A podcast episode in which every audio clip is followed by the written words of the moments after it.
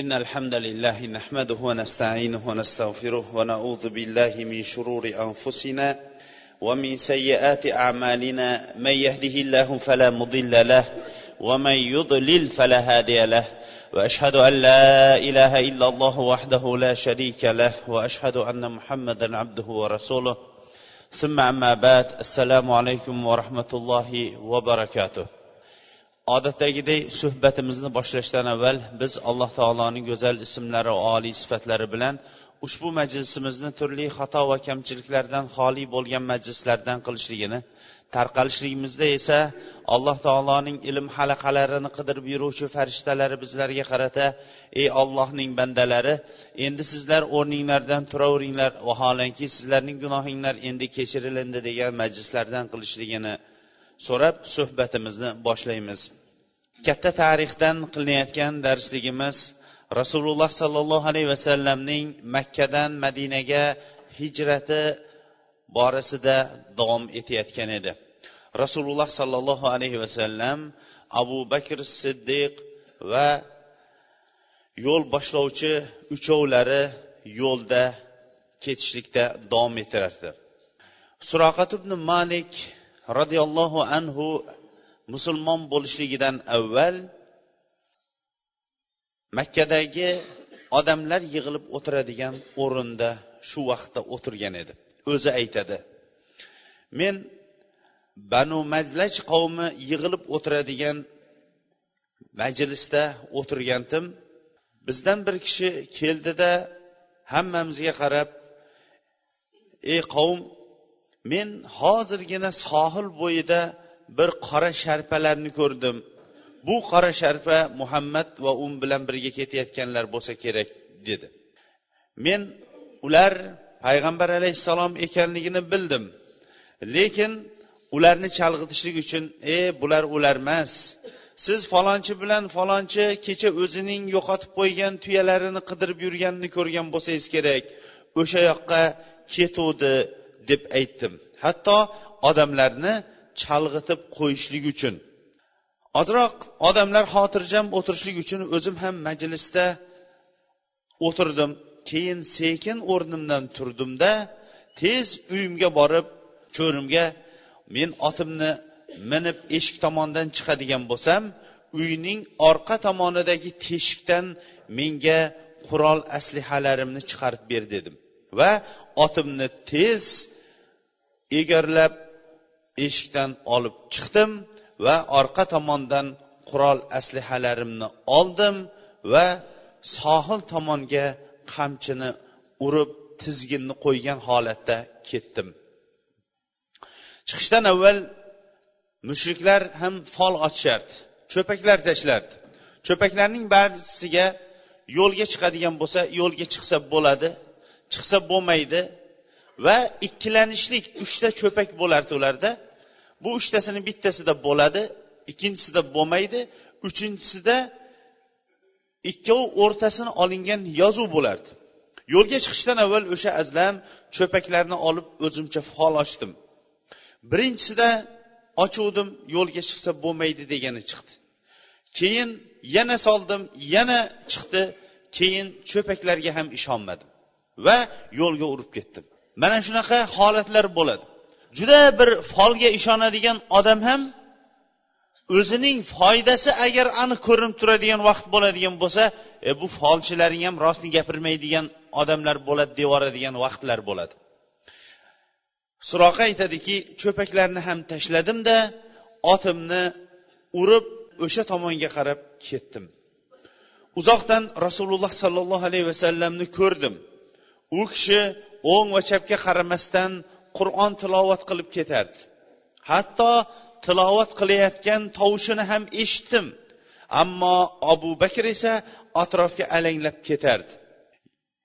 Chopqir otim ular tomonga qarab borardi. Ularga yaqinlashay deganda otim oldi oyoqlarining tizzasigacha yerga cho'kib ketdi. Ursam ot oldinga qarab qimirlamay qo'ydi. Jilovni orqaga tortsam ot hech narsa bo'lmaganday xuddi xamirdan qilni olganday ot o'zining oyoqlarini yengil olib orqa tomonga qarab yurdi.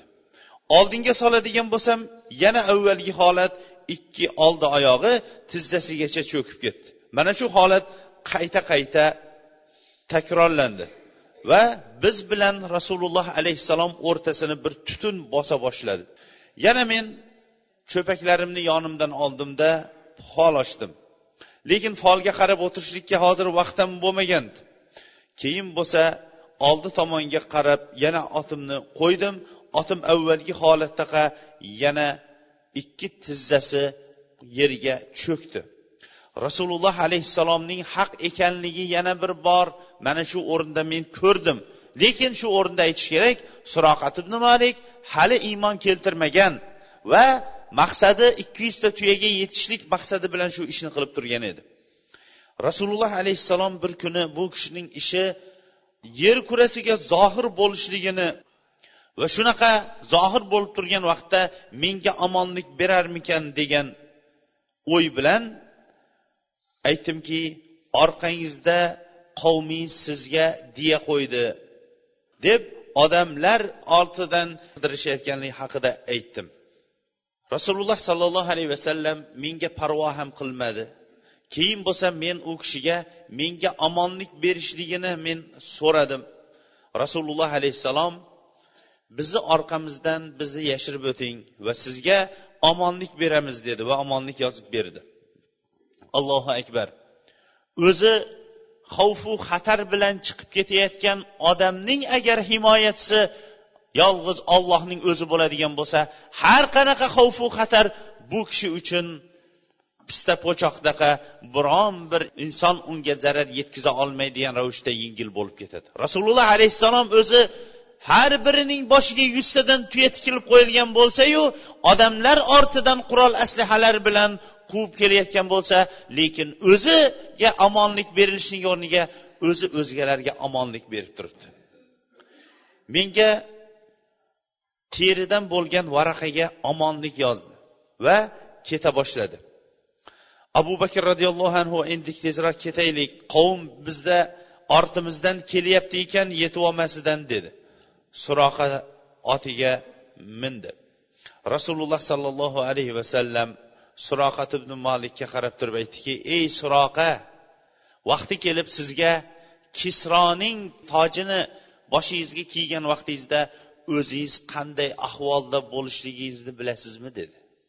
Bu ham payg'ambarlikning nihoyatda bir buyuk bir mo'jizasi bo'ldiki rasululloh alayhissalom o'zi quvg'inda turib yer kurasini boshqarib turgan ikkita imperiyaning bittasi bo'lmish kisroning boshidagi sallasini tojini kiyishligini va'da qilib turgan edi. Bu ham rasululloh alayhissalomning haq olloh tomonidan yuborilgan payg'ambar ekanligiga va orqasida turgan suyanchig'i nihoyatda mustahkam ekanligiga o'zi mana shunaqa og'ir holatda bo'lsa ham allohga bo'lgan suyanchig'i mustahkam bo'lishligi uchun qiyomatgacha ummatga dars bo'lib qoldi. Har bir mo'min kishi boshiga tushayotgan musibatlar qiyinchiliklar vaqtida bilsinki uni yaratguvchisi rizq bergan otasi onasi sababli yolg'iz yalang'och qilib tug'dirgan zot uni shunchalik kattaytirib rizq bergan ekan tashlab qo'ymasligini va har qanaqa holatda ham alloh taologa bo'lgan ishonchini yo'qotib qo'ymasligi rasululloh alayhissalom mana shu vaqtlarda bizlar uchun katta bir darsni tashlab ketdi. Barcha payg'ambarlarning boshlaridan ham shunaqangi nihoyatda mustar qiyin holatlar o'tgan vaqtlarda ham ular olloh bilan bog'lanishligini hech ham qo'ymadi. Ibrohim alayhissalomni qavmi bir oy o'tin yig'ib turib o'tni gulxan qilib yoqib yuborganidan keyin gulxanning ichiga bir oy davomida bir qavmning yiqqan o'tin ichiga ibrohim alayhissalomni manjalik bilan otdi. Ibrohim alayhissalom mana bunaqa shiddatli holatda og'ir holatda bog'langan zoti olloh bo'ldi. Alloh taolo jibril alayhissalomni yubordi. Jibril alayhissalom borib manjalikda otilayotgan ibrohim alayhissalomga sizda biron bir hojatingiz bormi? dedi. Ammo sizga bo'lsa dedi ibrohim alayhissalom xotirjamlik bilan sizga hojatimiz yo'q ollohga bo'lsa hojatimiz bor dedi. Allohu akbar. Ibrohim alayhissalomning mana shunaqa mustahkam iymoniga yarasha alloh taolo darrov o'tga buyurdi. Ya naru kuni bardan va salaman li ibrohim. Ey olov ibrohimga salomat va sovuq bo'l dedi. Mufassirlar aytadiki agar sovuq bo'l deganda ibrohim alayhissalom olovning ichida muzlab o'lib qolgan bo'lar.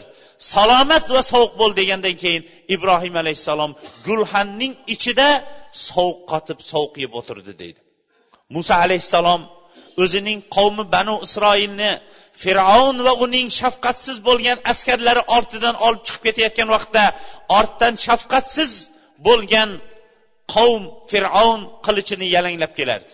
Oldinda bo'lsa jo'shqirib turgan yutib ketaman deb turgan nil daryosi turardi. Ortda bo'lsa fir'avn va uning qavmi. Qavmlar odamlar mana shu vaqtda o'zlarining ollohga bo'lgan suyanchig'i bog'lanishligini yo'qotib qo'ydi. Qala ashabi musa inna lamudrakun ikki tomon bir birini ko'rishgan vaqtda deydi alloh taolo. Musoning ashoblari bizga endi fir'avn yetib oladigan bo'ldi deb turib muso alayhissalomni malomat qila boshladi. Qul bo'lib yursak ham bo'laverardi deb. Bilmadiki ularning yetaklovchisi payg'ambar kalimulloh ekanligini bilmadiki allohning amri bilan chiqayotganligini. Shu vaqtda ollohdan darrov buyruq keldi. Muso alayhissalom mana shu gapga ikkilanib ham qolmadida kalla inna maya robbi sayahdin. Yo'q xotirjam bo'linglar. Men bilan robbim bor meni tez to'g'ri yo'lga hidoyatlab qo'yadi deyishligi bilan buyruq keldiki hassangizni nil daryosiga uring deb. Urishligi bilan yer kurasi bunaqa holatni ko'rmagan dengiz ikkiga bo'lib ular uchun bir qancha yo'llar ochildi. Ha payg'ambarlarning barchasiga bir nazar soladigan bo'lsangiz ular shunaqangi bir og'ir holatlarda ollohga bog'langan. Bu butun ummat uchun boshlariga har qanaqa musibat kelsin ollohga bog'lanishlik darkor ekanligi uchun katta bir darsdir. Rabi ibn haysam rahimaulloh mashhur tobiinlardan masjidda o'tirgan edi bir kishi keldida shoshib shoshib namoz o'qidi. Ey birodar siz necha yildan buyon shunaqa shoshib namoz o'qiysiz dedi. o'ttiz yildan buyon dedi. Bilingki o'ttiz yildan buyon siz muhammad alayhissalomga ummat bo'lmabsiz. Hojatingiz yo'qmi biron bir robbingizdan so'raydigan? Men dedilar ollohga qasam ichib aytamanki sajdada turganimda hatto uyimdagi tuzimni ham so'rayman degan ekanlar.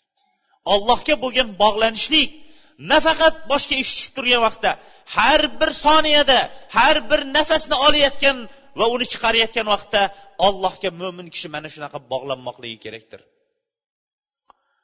Rasululloh alayhissalom ham og'ir bir holatlarda allohga bo'lgan bog'lanib turishligini bizlarga bayon qilib bo'ldi.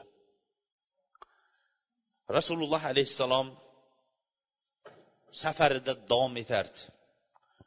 Muborak zotning har bir izlari agarchi muborak bo'lmaydigan bo'lsa bu kishining muborak emasligi uchun shuni o'zi dalildir.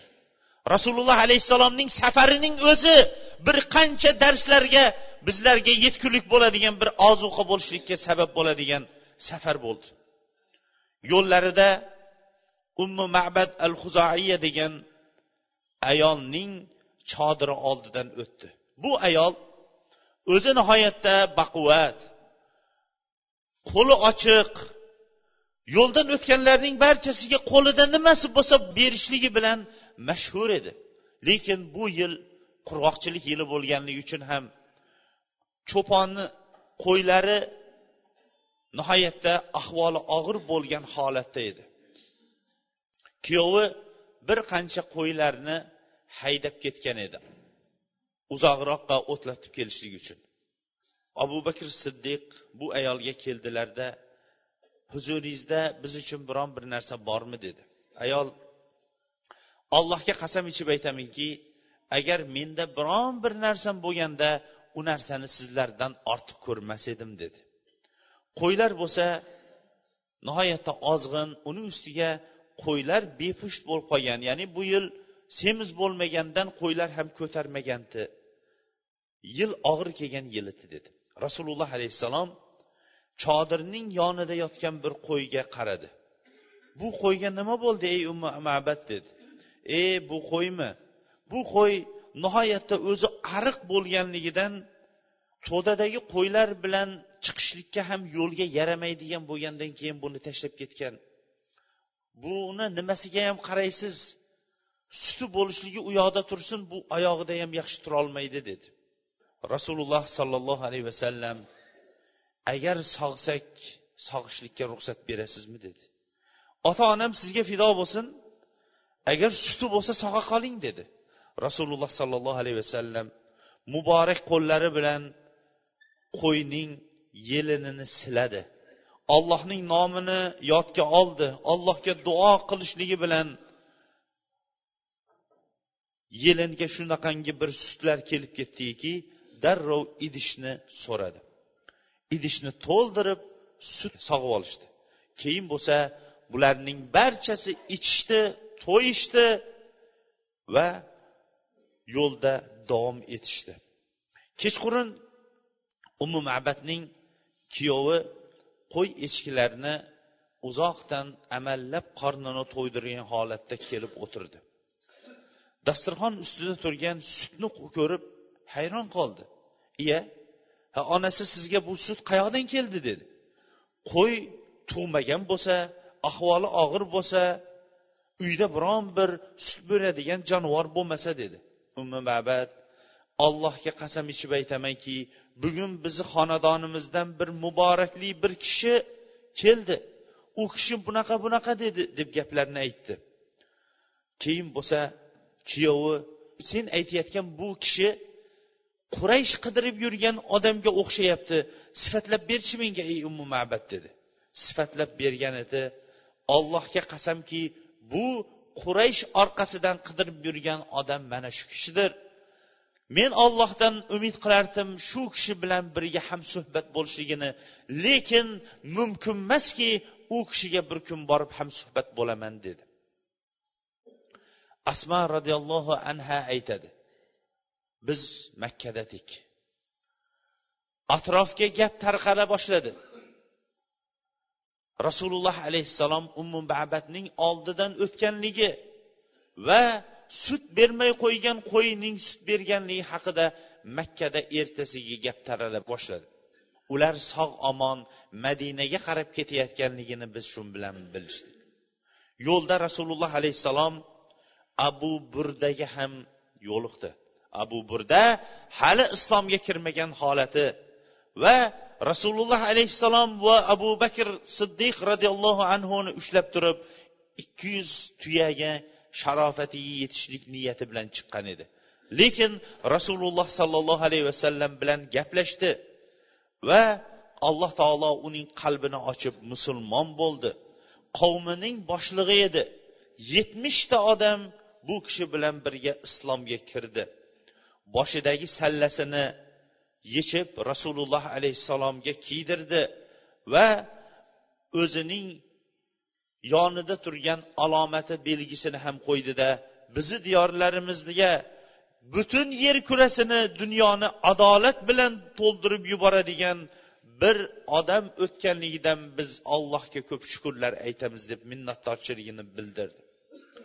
Rasululloh sollallohu alayhi vasallam yo'lda zubayr roziyallohu anhu bilan ham yo'liqdi. Bu kishi musulmonlarning karvonida kelardi shomga bo'lgan tijoratda ketganligida.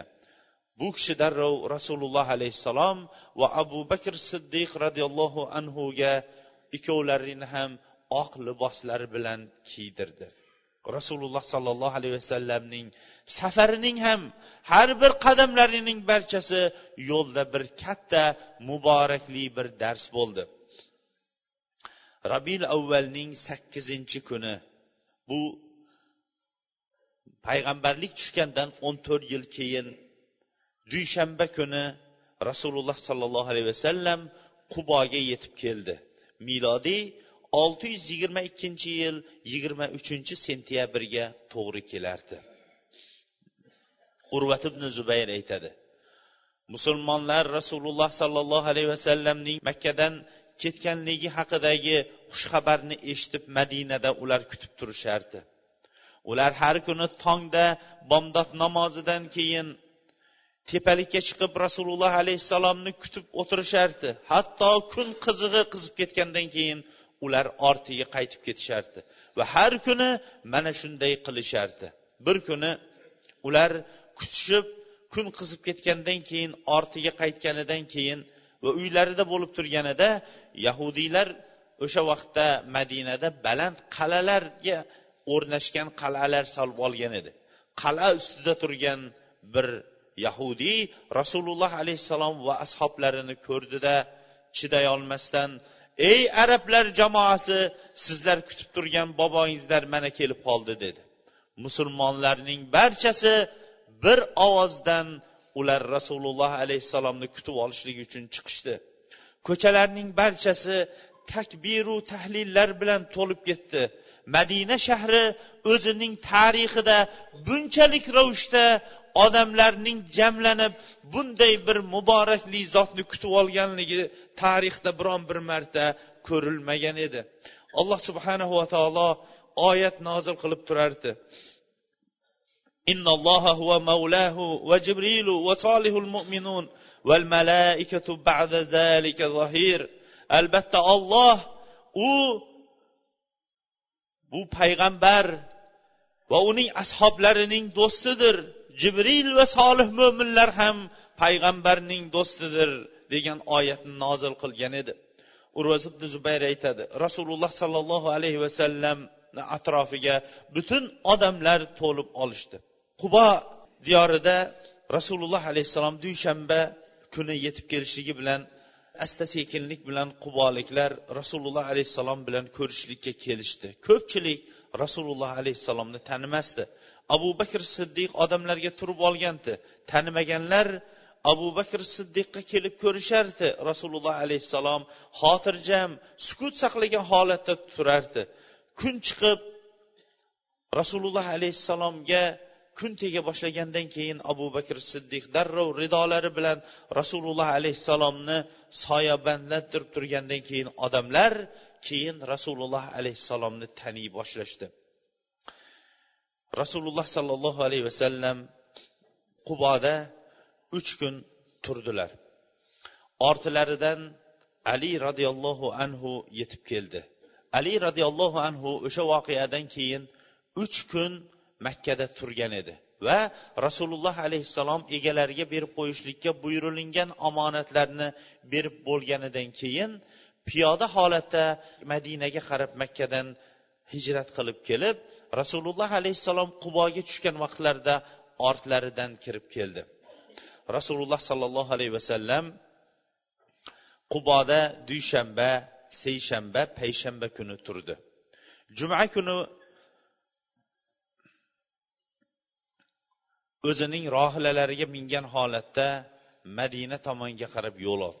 Lekin yo'l olishidan avval mana shu turgan kunlarida qubodagi masjidga asos solib ketdi va bu rasululloh alayhissalomga vahiy tushgandan keyingi eng birinchi taqvo bilan asos solingan masjidning bittasiga aylanib qoldi. Juma kuni rasululloh alayhissalom o'zlarining tog'alari bo'lgan banu najjorliklarni barchasini chaqirdi. Ular qurollarini taqqan holatda turishdi. Rasululloh alayhissalom madinaga qarab juma kuni otlandi. Yo'lda vodiyda juma vaqti kelganda odamlar bilan birinchi marta juma namozini o'qidi. Odamlar taqriban yuzta odamdan iborat edi. Juma namozidan keyin rasululloh sollallohu alayhi vasallam yasrib deb atalingan va shu kundan e'tiboran yasrib shahri o'chirilib rasululloh alayhissalomning shahri degan madinatu rasulilloh qisqa nom bilan aytganda madina shahriga kirib keldi. Butun madina ahli xursandchiligidan yosh bolalargacha ko'chaga chiqishgan edi. Hammalari chiroyli liboslarda. Yosh qizlar bo'lsa tomlarga chiqib olishib ular nashid aytib turishardi. Bizlar uchun saniyatul vado tomonidan to'lin bir oy bizlar uchun kirib keldi. Va robbimizga shukur qilishlik biz uchun endi madomiki allohga duo qilib turar ekanmiz vojib bo'lib qoldi. Ey bizlarga rahmat bilan jo'natilgan zot biz uchun endi xush kelibsiz degan qo'shiqlarni ular aytib turishardi. Ansorlar o'zlarini nafslarini ushlay olmagan holatda har biri rasululloh sollallohu alayhi vasallam o'zining uyida mehmon bo'lishligini ular armon qilishardi. Lekin shu o'rinda aytishlik ham kerakki makkaliklardaqa madinaliklar ko'p boymas edi. Uylari ham unaqangi ko'p qavat qavat uylar emas edi. Lekin ularning barchalari iymon bilan rasululloh sollallohu alayhi vasallamning tuyalarining jilovlarini ushlashib bizdagi barcha shartu sharoitlar bo'lgan uyga xush kelibsiz derdi. Rasululloh sollallohu alayhi vasallam jilovni qo'yib yuboringlar.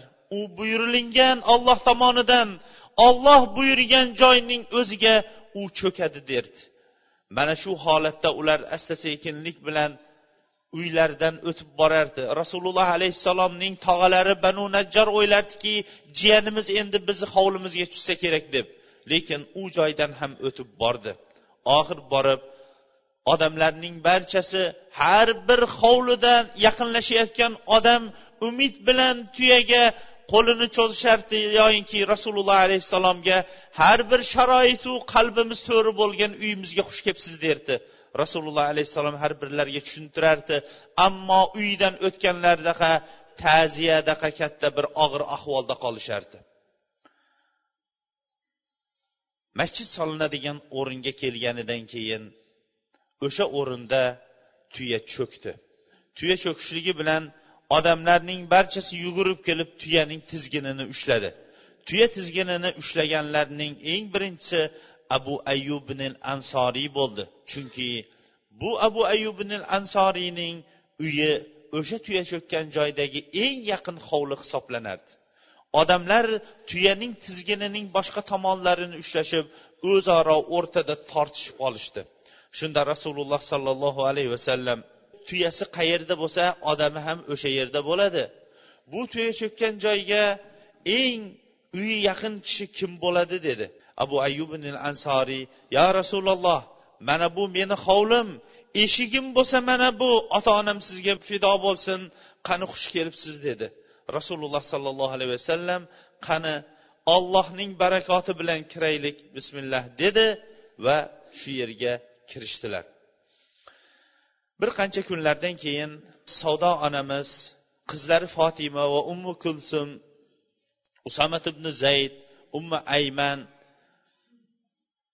va abu bakr siddiqning o'g'illari abdulloh oilalari bilan oysha onamiz bilan barchalari qolishdi. Zaynab onamiz bo'lsa abul asning qo'lida bo'lganligi uchun ham u yetib kela olmadi. Bir qancha kunlardan keyin bu yuqorida nomi zikr etilgan rasululloh alayhissalomning oilalari yetib kelishdi. Oysha onamiz aytadi rasululloh sollallohu alayhi vasallam madinaga kelgan vaqtda abu bakr va bilol qattiq og'ir kasal bo'lib qolishdi. Shuni ham bayon qilib o'tishligimiz kerakki madinada bir og'ir kasallik bo'lar edi. Alloh nasib etsa buni kengroq ravishda boshqa darsliklarimizda ham bayon etib o'tamiz. Bu kasallik madina ahlining o'ziga ham kelib odamlarga vaboday tegib qirib yuborishligi yoyinki odamlarni nihoyatda kuchsiz qilib qo'yar edi. Shuning uchun ham birinchi umraga borgan vaqtlarida rasululloh alayhissalom o'ng yelkanglarni ochinglar dedi. Va sizlar kuch quvvat bilan kelganinglarni makka mushriklar shu vaqtda aytib turgan hozir madinaning kasalligi quritib qo'ygan odamlar keladi. Ularni tavofga ham yaramay qolgan holatda ko'rasizlar deb turganda rasululloh alayhissalom o'ng yelkanglarni ochinglar va tavofning ko'pini yugurishlik bilan bajaringlar va tavofda nihoyatda shiddat bilan turinglar deb buyurgan edilar. Chunki rasululloh alayhissalom mana bu yerda abu bakr siddiq va bilol roziyallohu anhu og'ir kasal bo'lgandan keyin oysha onamiz aytadi men otamni oldiga kirib otaginam holingiz qalay ey bilol ahvolingiz qalay? degandim ular bayt aytishib makkani sog'inganligi va makkadagi holatda vafot etishligini armon qilganligini bayon qilishdi. Oysha onamiz aytadi rasululloh alayhissalomning oldiga kelib buni xabarini berganda allohga duo qilib ey robbim bizlarga madinani suyukli qil xuddi makkani suyukli qilganingday. Yoyinki madinani makkadan ham ko'proq bizlarga suyukliroq qil. Va bizlarni bunda sog'lom qil va bizlarning toshu tarozimizda madinada barakot ato et va madinadagi kasallikni juhfa tomonlarga ko'chirib yubordi dedi. Va shu duosi bilan alloh subhanava taolo ansorlardagi muhabbatday muhojirlarning ham shunchalik madinaga muhabbatini tushirib qo'ydi. Bu muhabbat nafaqat muhojirlarda balki qiyomatgacha bo'lgan har bir musulmonning yuragida bir muhabbat bo'lib qoldiki rasululloh alayhissalomning shahrini bir ziyorat qilishlik muhabbati bir ziyorat qilgandan keyin yana bir ziyorat qilishlik muhabbati mana shunday rasululloh alayhissalomning bitta duosi bilan qaror topib qoldi.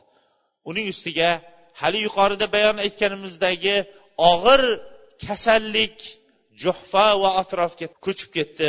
Shu bilan madinada sog'lomlik va barqarorlik o'rnashdi. Rasululloh sollallohu alayhi vasallam mana shu bilan madinaga qaror topdi. Madina shahri haqida ham endi qisqa bir tanishib o'tmoqligimiz kerakdir. Madina shahri yuqorida bayon etganimizdek rasululloh alayhissalom kelishidan avval yasrib degan nom bilan ataldi. Rasululloh sollallohu alayhi vasallam madinaga kirishligi bilan madinati rasulilloh allohning elchisining shahri degan nomni oldi. Keyin bo'lsa qisqartirilgan holatda bugungi kungacha madina degan nomni olib kelib turibdi. Madina shahri makkaning shimolida bugungi kundagi o'lcham bo'yicha to'rt yuz kilometr uzoqlikda bo'ladigan bo'lsa uning atrofini alloh subhanava taolo rasululloh sollallohu alayhi vasallamni yuborishlikdan bir qancha asrlar avval mustahkam qal'a bilan o'rab qo'ydi. Hajga borganida ba'zan esimizda bo'lganda hoji birodarlarimizga buni eslatganmiz lekin har bir hajga borgan odam buni bir ko'z oldiga oladigan bo'lsa makkaga kirishligidan avvalroq madinaning shimol janub sharq g'arb tomonining butun hammasi qop qora toshlar bilan o'ralganligini bir ko'z oldiga keltirsin. Haqiqatdan ham rasululloh alayhissalom payg'ambar bo'lib chiqishidan bir qancha asrlar avval alloh subhanava taolo u diyorlarga buyuk bir vulkanlarni ottirdi. Vulkanlar atrofda yuz chaqirimlab bo'lgan o'rinlarni xuddi suv bosganday toshlar erib atrofni hammasini bosib bo'ldi. Madina kichkinagina o'sha vaqtda shaharcha hisoblanardi. Odamlari bo'lsa mast qiluvchi ichimlik zinoxo'rlik bilan va sutxo'rlik bilan shug'ullanishardi. Ular darrov butun atrof yuz chaqirimlab toshning erishligi vulkanlar bilan atrof to'lib qolganligini ko'rishib tavba tazarru qila boshlashdi. Madina shahri xuddi bir dengizdagi tushib qolgan pista po'chog'iga aylanib qoldi. Alloh subhanava taolo madinaning atrofini shunday qo'rg'ab turib madinani vulkan bilan bostirmadi. Ularning tavba tazarrusi uchun emas deydi tarixchilar. Balki bu yerga qiyomatgacha bo'ladigan dinni yetkazadigan payg'ambar keladi. Va o'sha payg'ambarning shahri yuz chaqirimlab uzoqlikda qo'rg'onlaniladi. Hamma ham bu shaharga kira olmasligi uchun dedi. Haqiqatdan ham bugungi kundagi yevropaliklar madina shahrini bundan bir qancha yillar avval tekshirib ko'rganda hatto zamonaviy tank ham atrofdan yurolmas ekan deyishgan shuning uchun ham olloh nasib etsa darslarimizda keladi handaq jangi bo'ladi. Handaq jangida salmon forsiy nihoyatda quraysh katta bir kuch bilan bu ahzob jangi to'dalar jangi ham deb nomlanadi ikkita nomi bor. Katta bir kuch bilan kelayotganda ularga toqat qilolmaymiz deganda salmon forsiy aytadi bizni diyorlarimizda handaq qaziladi deydi. Va islomda birinchi marta handaq qaziladi. Shu yerda odam o'ylashligi kerak. Madina shahrining atrofini hammasini qazib bo'ldimi yo'q. Bittagina madinaga kiradigan yo'l bugungi kunda sabul masajid deb atalingan masjid atroflari qaziladi. Chunki boshqa yo'llarning hammasi vulkanning toshlari bilan yuz chaqirimlab uzoqlik bo'lganligi uchun u yerdan ot ham tuya ham yurolmasdi. Bittagina madinaga kiradigan yo'l bor edi. Bu alloh subhanava taoloning katta bir madina shahrini geografik tomonidan bir o'lchami bo'ldiki o'zi shunaqangi bir toshlar bilan o'zi qo'rg'ab qo'ygan edi. Ikkinchi tomondan iqtisodiy tomonda madina ham tijorat ham ziroat o'rni hisoblanardi. Ziroat ansorlarning barchasi xurmo daraxtini mevasini yetishtirishligi va o'zlari uchun ko'p qulayliklar bo'lgan bugungi tongdagi hammamizda o'sadigan toifi uzumi va shunga o'xshagan sabzavotlar madina shahrida bor edi makkada bunaqa ziroatlar yo'q edi. Ikkinchi tomonlama tijorat ham bor edi chunki qurayshning tijorati ham madinaning oldidan o'tardi.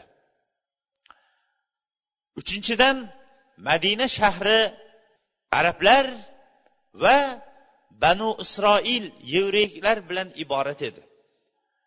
Arab yarim orolligiga bu banu isroil yevreylar qayerdan kelib qolgan edi? Yevreylarda bilim bor buni yuqorida ham ko'p aytganmiz.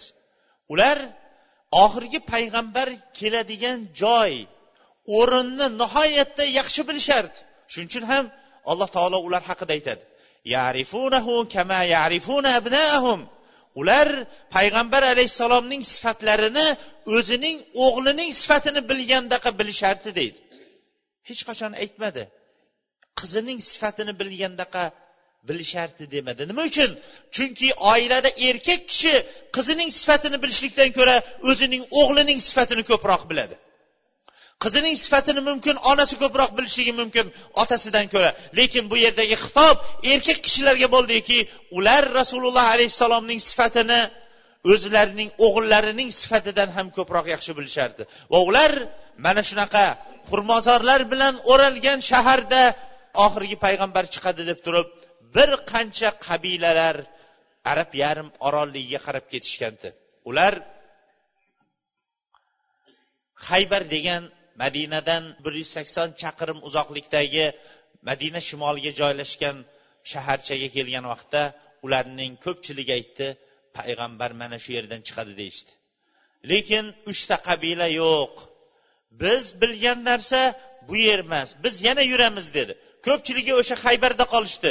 Ammo banu qaynqo banu nazir banu qurayda qabilalari yana ikki yuz chaqirim yurishdida rasululloh alayhissalomni shahri yasribni ko'rdida mana shu yerdan payg'ambar chiqadi dedi va arablarga shu yerda qo'shni bo'lib asrlar mobaynida yashab kela boshladi. Payg'ambar shu yerda o'zlarining zurriyotlari ichidan payg'ambar chiqishligini kutib o'tirishdi. Lekin alloh subhanava taolo ulardan emas arablardan payg'ambarni chiqargan edi. Madinaning tanlanishligi ham bu yerda da'vat nafaqat arablarga endi arablardan boshqa ajamlarga. Banu isroilga ham da'vat bo'lishligi madinaning da'vat uslubining beshiklarining da'vatga yengil bo'lishlik bo'ladigan beshigi uchun dalil bo'lardi. Chunki rasululloh alayhissalom faqatgina bitta qavmga emas yer kurasidagi barcha arabu ajam uchun bo'lib yuborilgan payg'ambarligi uchun mana shu ham katta bir dalil edi. Beshinchidan madina shahri boshqa shaharlarga nihoyatda yaqin edi va atrofga da'vatning taralishligi nihoyatda tez edi. Oltinchidan madina shahrida makkada topilinmagan eng qimmatbaho bu oltinu kumush gavharlar bilan o'lchanmaydigan bebaho narsa bor edi. U ham bo'lsa o'zlarining nafslariyu jonlariyu ahli bola chaqalarini olloh yo'lida fido qiladigan ansorlar bor edi. Bu rasululloh alayhissalomning madinada qaror topishligiga sabab bo'lgan buyuk bir shahar bo'ldi. Rasululloh sollallohu alayhi vasallam madinaga kelgan vaqtda madina ahli uch qismdan iborat edi. Birinchisi ansorlar musulmonlar. Ikkinchisi mushriklar hali iymon keltirmagan lekin ular o'zlarining ota bobolaridan qolgan dinda shubhalanib yurganlar. Ular unchalik ham ko'p emas ularning qo'lida unchalik saltanat ham kuchli emas edi. Uchinchi toifa banu isroil yevreylar edi. Rasululloh sollallohu alayhi vasallam bu uch toifa bilan qanday siyosat olib borganligi haqida inshaalloh kelgusi suhbatimizda madina holati haqida inshaalloh suhbatimizni davom ettiramiz.